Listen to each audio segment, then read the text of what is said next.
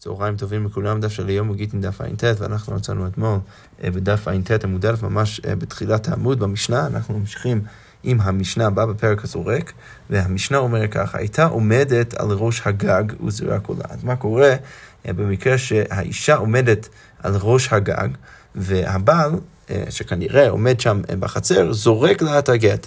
כיוון שהגיע, המשנה אומרת, לאוויר הגג, הרי זו מגורשת. אז ברגע שה, שהגט מגיע, הוא לא צריך אפילו לנחות אה, על הגג עצ, עצמו ממש, אבל ברגע שהוא מגיע לאוויר הגג, מהגבי הגג, אז היא כבר מגורשת, זה כבר נחשב כאילו הגט נכנס לתוך הרשות שלה, ולכן היא מגורשת.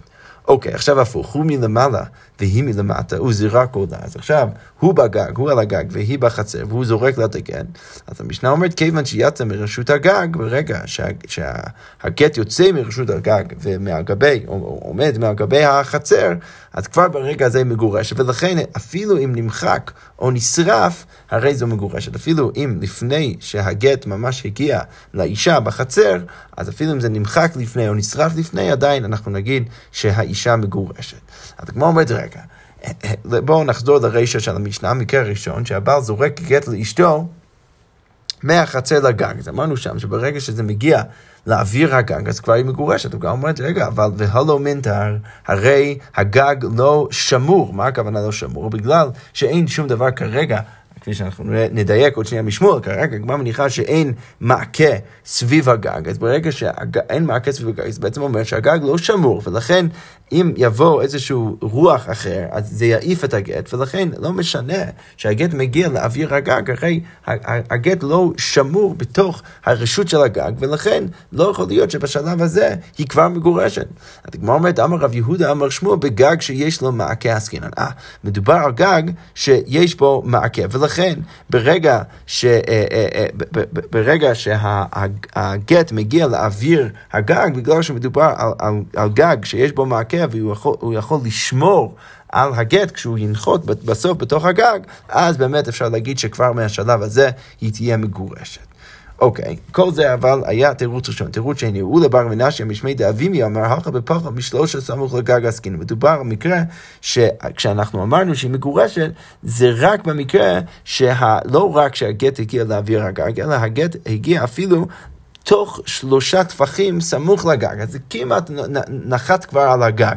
דכל פחות משלושה סמוך לגג, כי כל מה שפחות משלוש, משלושה טווחים סמוך לגג, כגג דמי. זה כבר נחשב כ, אה, כחלק מהגג, זה מאוד אה, קשור לכלל שאנחנו מכירים, מה שנקרא לבוד, אה, שכל פחות משלושה טווחים כלבוד דמי, אז גם כאן כל פחות משלושה טווחים סמוך לגג, כגג דמי.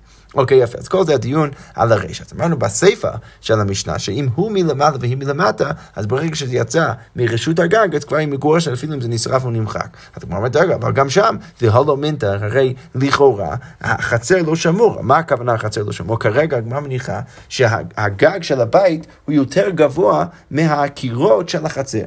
ולכן זה שהגט יצא מהרשות של הגג, זה לא בהכרח אומר שזה נכנס לתוך אזור ששמור לחצר. למה? כי זה יכול להיות עדיין למעלה מה, מה, מהקירות והחומות של החצר. הדגמר אומרת, איך אתה יכול להגיד שכבר מהשלב הזה היא מגורשת? הדגמר אומרת, גם לזה אפשר לתרץ, אמר רב יהודה, אמר שמואל, כגון שהיו מחיצות התחתונות עודפות על העליונות. אה, מדובר במקרה שהמחיצות התחתונות של החצר הן יותר גבוהות מאשר המחיצות של הגג עצמו. ולכן ברגע שהגט יצא מרשות הגג, זה, זה, זה, זה עכשיו יצא מהאוויר והרשות של הגג, אבל זה עדיין שמור בתוך החמות היותר גבוהות של אה, אה, אה, אותן מחיצות היותר גבוהות של החצר, ולכן זה כבר בתוך אוויר החצר וזה שמור, ולכן בשלב הזה היא כבר מגורשת. והגמרא אומרת, וכן אמר רבי אלעזר, אמר רבי יושע, כגון שהיו מחיצות התחתון עוטפות על העליונות, מדובר של מחיצות של החצר עוטפות על המחיצות של הגג, וכן אמר אולה, אמר רבי יוחנן, כל שהיו מחיצות התחתונות עוטפות על העליונות, בדיוק כמו שראינו למעלה. עכשיו הגמרא אומרת, אמר לרבי אבא לאולה, הגמרא אומרת, לכאורה, זה שאנחנו אומרים שכבר מהשלב הזה, שהגט יצא מרשות הגג והוא בתוך המחיצות של החצר, למרות שהוא עוד לא נחת כבר מהשלב הזה האישה מגורשת, עד כדי כך שאנחנו נגיד שאפילו אם הגט נמחק או נשרף, היא תהיה מגורשת עדיין. אז, אז רבא, אה, רבי אבא בא ואומר לאולה כמן, כמו מי, כמו, כמו מי אנחנו הולכים כשאנחנו אומרים ככה. לכאורה צריך להגיד שאנחנו הולכים כמו רבי, דאמר קלוטה כמי שהונחה דמיה. עכשיו, באיזה הקשר רבי אמר את זה? אז רבי אמר את זה בהקשר של רשויות בשבת. בן אדם זורק חפץ, אחד שכותב, אה, מרשות הרבים לרשות הרבים, אבל רשות היחיד באמצע, למרות שזה נוחת ברשות היחיד באמצע, עדיין רבי יגיד במקרה הזה שהזורק חייב. מדין זה שהוא הוציא את זה מרשות הרבים לרשות היחיד, וחזרה מרשות היחיד לרשות הרבים. עכשיו, למה הוא חייב? בגלל שאנחנו אומרים מה שנקרא קלוטה כמי שהונחה, ברגע שזה קלוט בתוך אוויר של רשות מסוימת, אז זה כבר הונח שם. אז הגמרא אומר, לכאורה, זה שאנחנו מוכנים להגיד שכבר מהשלב שהגט יצא מרשות הגג היא כבר מגורשת, כנראה שאנחנו אומרים קלוטה כמישהו, שאנחנו סוברים כמו רבי. עכשיו, מי חולק על רבי שמה במסכת שבת? חכמים. אז הגמרא אומרת, לכאורה משמע מזה שהמשנה שלנו ליבא דשיטת יחיד של רבי ולא ליבא דחכמים. אבל הגמרא אומרת, אמר לי, הוא חוזר ואומר לרבי אבא, לא זה נכון. אתה יכול להגיד אפילו תמיד רבון, אתה יכול להגיד שאפילו חכמים מסכימים כאן.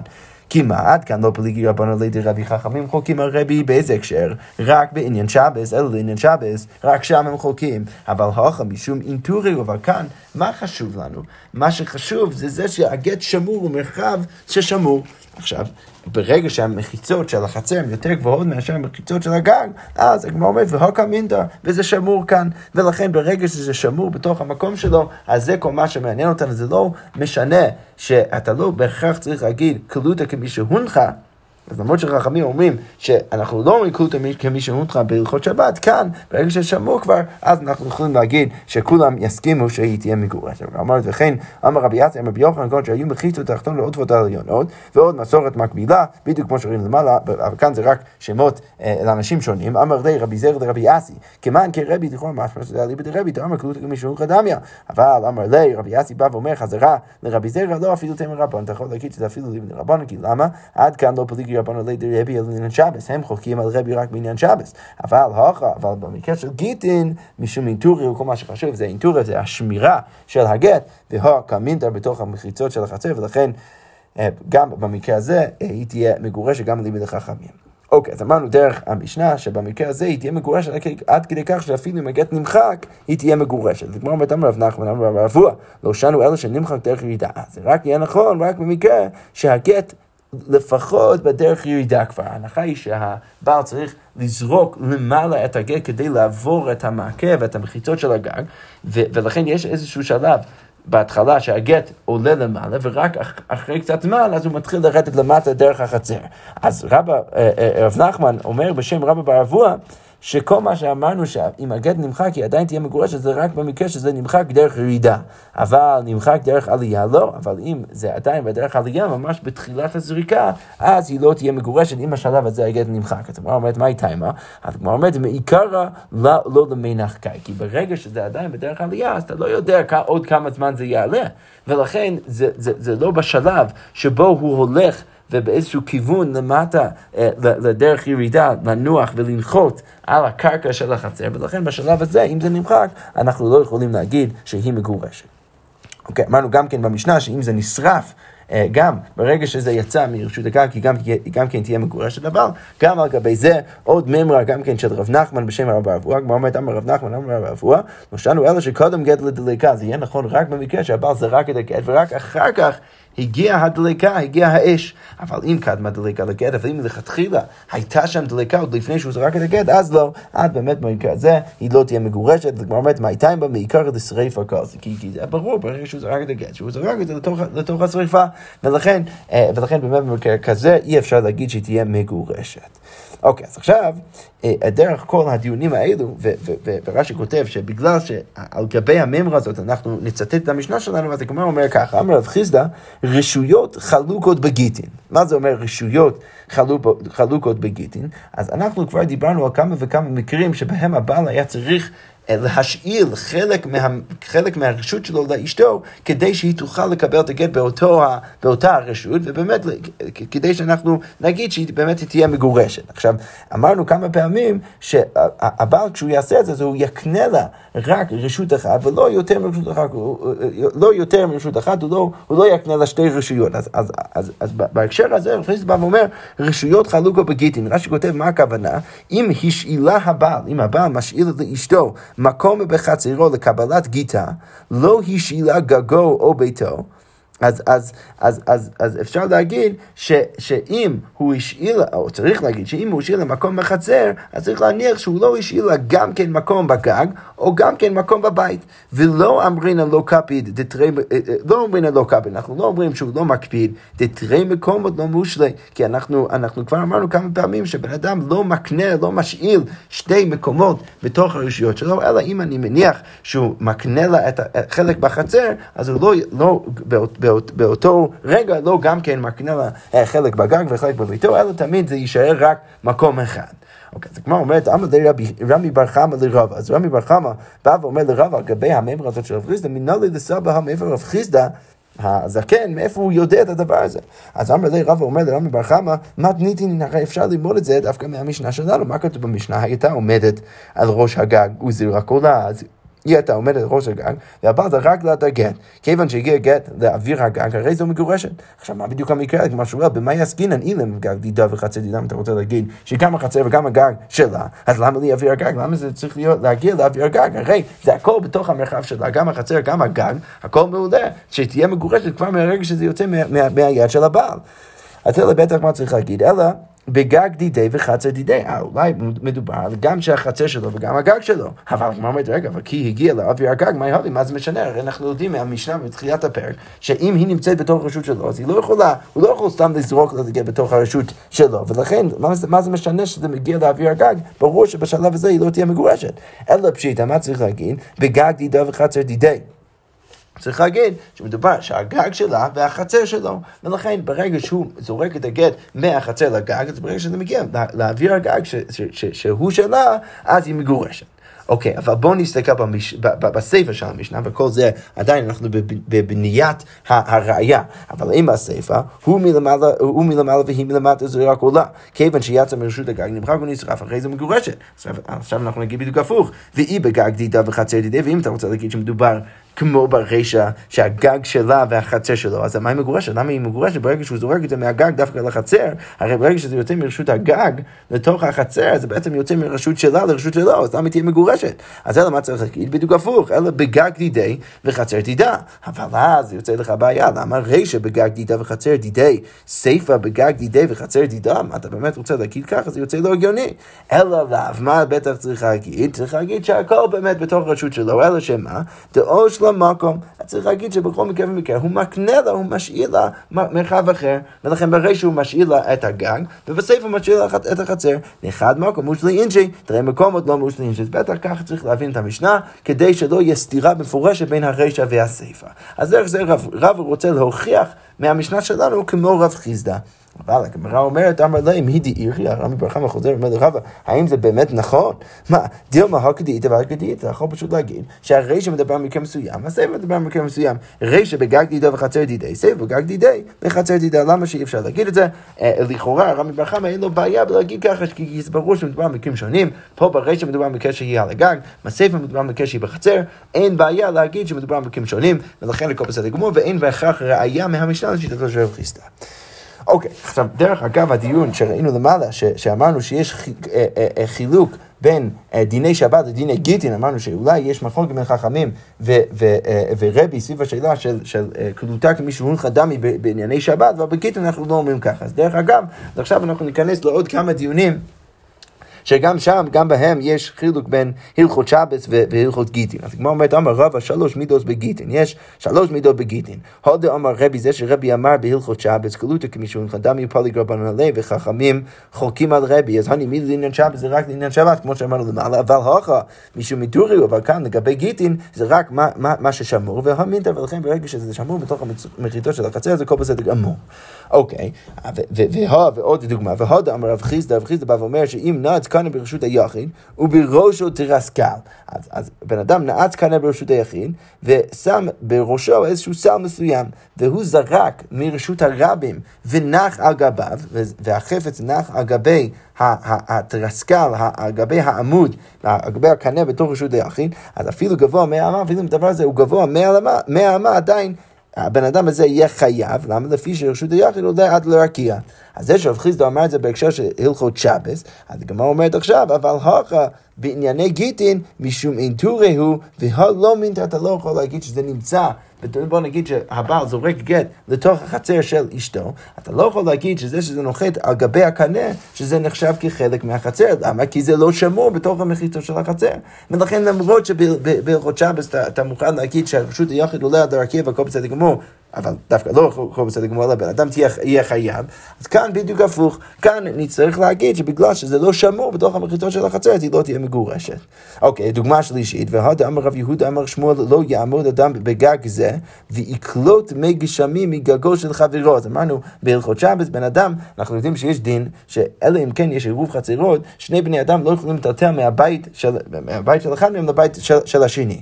עכשיו, שמואל בא ואמר שגם בגג זה יהיה נכון, למרות שאין. שום אה, אה, אה, אה, דבר שמחלק בין גג לגג, והקירות זה הם רק הקירות של הבית למטה ש, שמחלקים בין הגגות, עדיין שמואל יגיד, בן אדם לא יכול לעמוד בגג זה ויקלוט וייקח מי גשמים מגגו של חברו, כי זה בעצם גם כן לטלטל מרשות לרשות.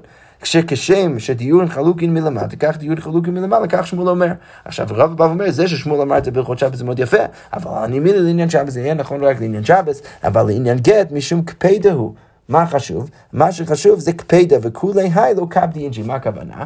אז רש"י כותב שהממרה הזאת של רב מוסב על מה שרב חיסדה אמר, שהבעל יקנה רק, הוא משאיל רק רשות אחת. עכשיו, אם... אה, אה, אה, אם אמרנו את זה שהבעל משאיר רק רשות אחת, אז יהיה נכון, רב אומר, רק בשתי רשויות שונות, כמו גג וחצר, או חצר ובית. שם באמת הבעל יקנה רק רשות אחת. אבל לגבי, והגמרא אומרת שזה רק לענייני ההקפדה של הבעל. אבל אם מדובר על שתי גגות אחד מול השני, שם אין שום בעיה שהבעל יקנה את שתי הגגות לאשתו, למרות שזה שתי רשויות, בסוף זה הכל אה, מרחב אחד, ולכן שמה הבעל לא מקפיד, ואפשר להניח שבניגוד להלכות שבס, שמה זה לא יהיה שתי רשויות, ובאמת היא תהיה מגורשת אם הבעל זורק את הגט לתוך הגג, אה, או אחד מהגגות שם אה, שהוא השאיר לה. אוקיי, יפה, אז זה ככה סוגר את הממר של רבא, ועכשיו הגמרא ממשיכה עם ממר של אביי. אמר אביי, שתי חצרות זו לפני מזו. מה קורה אם יש שתי חצרות, זו לפני מזו, פנימית שלה וחיצונה שלו. ומחיצות החיצונה, החיצונות עוטפות על הפנימיות. אז, אז בואו רק נבהיר את המקרה. שתי חצרות, זו לפנים מזו, והפנימית, וה, החצר הפנימית היא החצר של האישה, והחצר החיצונה היא החצר של, ה, של הגבר. עכשיו, המחיצות של החיצונות, של, ה, של, של, של המחיצה החיצונה, שזה של, של הבעל, הן יותר אה, אה, גבוהות מאשר המחיצות של הפנימיות. הוא זרק עולה, והבעל זורק את, אשתו, את, את, את הגט לתוך החצר של אשתו. כיוון שהגיע לאבן מחיצות החיצונה, אז, אז הבית בא ואומר, ברגע שהגט מגיע בכלל למחיצות של החיצונה, הרי זו מגורשת, למרות שזה עוד לא הגיע למחיצות של הפנימית, וזה באמת החצר שלה. אז הגמרא אומרת, מה הייתה? פנימית גופה במחיצות החיצונה כמינטרה. אז, אז הגמרא אומרת, מה הסיבה של, של הבית, מה הסברה שלו? הרי גם הפנימית בסוף היא משתמרת על ידי המחיצות של החיצונה, ולכן ברגע שזה מגיע לתוך המחיצות של החיצונה, אז כבר היא מגורשת, למרות שרק החצר פנימית שלה. אוקיי, אבל כל זה הגמרא אומרת, מה שאין כן בקופות זה לא יהיה נכון בקופות. שאם יש שתי קופות זו בתוך זו, שתי קופסאות זו בתוך זו, פנימית שלה וחיצונה שלו, הוא רק עולה. אז אפילו אם הגיע לאוויר הפנימית, עכשיו, אפילו, מכל שכן אם זה הגיע רק לאוויר החיצונה, אבל אפילו אם זה הגיע לתוך האוויר של הפנימית, של, של הקופה של האישה, עדיין היא, היא, היא לא תהיה מגורשת, אינה מגורשת. מה הייתה? מה? דהלו נח, כי הרי זה לא באמת נח, אה, אה, אה, זה, זה עדיין לא נח בתוך הפנימית. עכשיו, אם זה עדיין לא נח בתוך הפנימית, אז אנחנו נגיד שהיא לא מגורשת, אבל רגע, אבל זה הולך עוד שנייה לנוח. אז הגמרא אומרת לא, כי גם כשזה נח, אז היא, לא, היא גם ככה לא תהיה מגורשת, ולכן בשני השלבים היא לא מגורשת. מה הכוונה? אז הגמרא ממשיכה ואומרת, וכי נח מה יאהבי, מה, מה יקרה שזה נח? כלב שלוקח ברשות מוכר, הרי זה כלב שלוקח ברשות מוכר, ולכן ברגע שזה, נח, אפילו אם זה נח בתוך הקופה של האישה, אז עדיין היא לא תהיה מגורשת. סליחה, לא, לא נראה לי הדפרתי נכון. מה שהגמרא אומרת, זה שמלכתחילה הבית בא ואומר, זה לא יהיה נכון בקופה. כי, כי ברגע, אפילו אם זה מגיע לתוך האוויר של הקופה הפנימית של האישה, היא לא תהיה מגורשת. למה? כי זה עוד לא נח לגבי הקרקע. אז כמו אומרת, רגע, אבל מה אשמה ממה שאתה אומר, שאתה יכול לדייק מזה, שהיא לא מגורשת רק כשזה עוד לא נח, אבל כשזה נח, אז פתאום היא תהיה מגורשת. כמו אומרת, איך אפשר להגיד את זה? הרי זה כליו שלוקח ברשות המוכר, זה, זה הכלי של האישה בתוך הכלי של הבעל. ולכן לא יכול להיות שהיא תהיה מגורשת אפילו שזה נח שם, זה אנחנו כבר יודעים שזה לא עובד. כמו אומרת, לא, במה הסכים בקופה שאין לה שוליים. מדובר במקרה על קופה שאין לה שוליים, ולכן הקופה של הבעל אין לה שוליים, ולכן הקופה של האישה לא ממש מונחת בתוך הקופה של הבעל, ולכן ברגע שהגט באמת נח בתוך הקופה שלה, אז היא תהיה מגורשת, אבל לא לפני כן. אוקיי, יפה. עכשיו אנחנו נמשיך עם משנה הבאה, ומשנה אומר ככה, בית שמאי אומרים, פוטר אדם את אשתו בגט ישן. בן אדם כן יכול לתת גט ישן לאשתו ולגרש אותה עם הגט, ובית הלל אוסרין. עכשיו, איזה הוא גט ישן? המשנה אומר, כל שנתייחד עימה מאחר שכתבו לה. בן אדם כותב גט לאשתו, הוא כותב איזשהו תאריך מסוים, ואז יתייחד עם אשתו אחרי כן. אז שמאי באים ואומרים, זה אומנם נקרא גט ישן, אבל אפשר להשתמש בגט ישן כדי לגרש את אשתו, ובית הלל אומרים שאי אפשר לעשות את זה. אז כמו אומרת, במאי קבל, מה נקודת המחלוקת ביניהם? אז כמו אומרת, בית שמאי סברי לא אומרים גזירה שם היום הוא גיטה קודם לבנה, ובית הלל סברי אומרים גזירה שם היום הוא גיטה קודם לבנה. עכשיו, מה, מה המקרה? אז, אז בואו בוא, בוא רק אה, נבהיר את המקרה. בן אדם כותב גט לאשתו, כותב איזשהו תאריך מסוים בתוך הגט, ואז הוא מתייחד עם אשתו. עכשיו, יכול להיות שהוא מתייחד איתה לילה אחד, יכול להיות שהוא מתייחד, מתייחד איתה עכשיו כמה שנים, ורק אחר כך הוא מחליט שהוא רוצה לגרש אותה, אה, אה, והוא רוצה לתת לה את הגט הישן הזה. עכשיו, למה תיאורטית אולי אפשר היה לחשוש? מה קורה אם יש כמה וכמה ילדים בין לבין שנולדו? עכשיו, אנשים מתישהו יסתכלו על התאריך של הגט ויגידו שהוא בכלל גירש את אשתו לפני שכל הילדים האלו נולדו, והם יחששו שהילדים האלו נולדו מחוץ לנישואין. עכשיו, זה בדיוק נקודת המחלוקת בין בית שמאי ובית הלל לגמר אומרת. בית שמאי אומרים שלזה אנחנו לא צריכים לשוש. לא אמרינא גזירה שם מיום רוגית הכל בפני, אנחנו לא צריכים לשוש שאנשים באמת יגידו את זה. כולם יודעים שבסוף הוא גורש אותה אחרי כל סוף התהליך, ולכן הכל בסדר גמור, לא משנה איזה תאריך כתוב בגט. בית הלל אומרים, לא, אמרינא גזירה שם מיום רוגית הכל לפני, ולכן צריך לחשוש. כמו אומרת אמר רבי אבא משמואל, אם נישאת לא תצא. אז לפחות כולם יסכימו שאם היא התחתנה, למרות שבית הלל אומרים שמלכתחילה אי אפשר להשתמש בגט כזה, שמואל יגיד שאפילו בית הלל יודע שאם היא התחתנה בדיעבד לא תצא, היא לא חייבת להתגרש. והיא קדם מאוד מסורת, אמר רבי אבא משמואל, דווקא הפוך, אם נתגרשה זה עוד יותר אה, להגיד שבית הלל מודים לבית שמאי. לא רק שבית הלל מודים שבדיעבד היא לא חייבת להתגרש, אלא אפילו ברגע שהבעל ישתמש בגט הזה, אם היא נתגרשה, אז היא יכולה כבר להתחתן לכתחילה. עדיין בית הלל יגידו שאי אפשר להשתמש בגט מלכתחילה, אבל אם הוא ישתמש בגט, אז לא רק שאם היא התחתנה היא לא חייבת להתגרש, אלא אפילו כבר בשלב הזה היא יכולה להתחתן אפילו. לכתחילה. יפה. אוקיי, עכשיו אה, אה, אנחנו נמשיך עם המשנה הבאה, דווקא המשנה אה, יחסית ארוכה, אבל זה יחסית רץ עד, עד סוף הדף, וזה ייקח אותנו גם כן לאמצע עמוד, עמוד א' של הדף הבא. אז המשנה אומר ככה, כתב לשום מלכות שאינה הוגנת. אז אם... הבן אדם, אנחנו נפרט את הכל בגמרא, אבל, אבל מה שברור זה שצריך למנות את השנים על פי המלכות שבו הבן אדם נמצא כשהוא, כשהוא כותב את הגן. אז אם הוא כתב לשם איזשהו מלכות, את, את הזמן ואת השנים לשם מלכות שאינה הוגנת, מלכות שלא ראויה, מלכות שהוא לא נמצא בתוכה, או לשם, לשם המלכות מדי, לשם מלכות יוון, לבניין הבית, לחורבן הבית, אם הוא ככה מונה את הזמן לפי אחד מהדברים האלו, אז כפי שאנחנו נראה, הגט יהיה פסול. גם כן, אם היה במזרח וכתב במערב, הוא כתב את המקום הלא נכון במערב וכתב במזרח, אז מה צריך לעשות? עכשיו, בוא, אנחנו כרגע מניחים שהיא עכשיו לקחה את הגט, הוא נתן לה את הגט הזה, אבל הגט פסול, והיא התחתנה עם מישהו אחר. עכשיו, מה, מה, המשנה מונה לנו כל מיני דינים ששייכים לאותה האישה.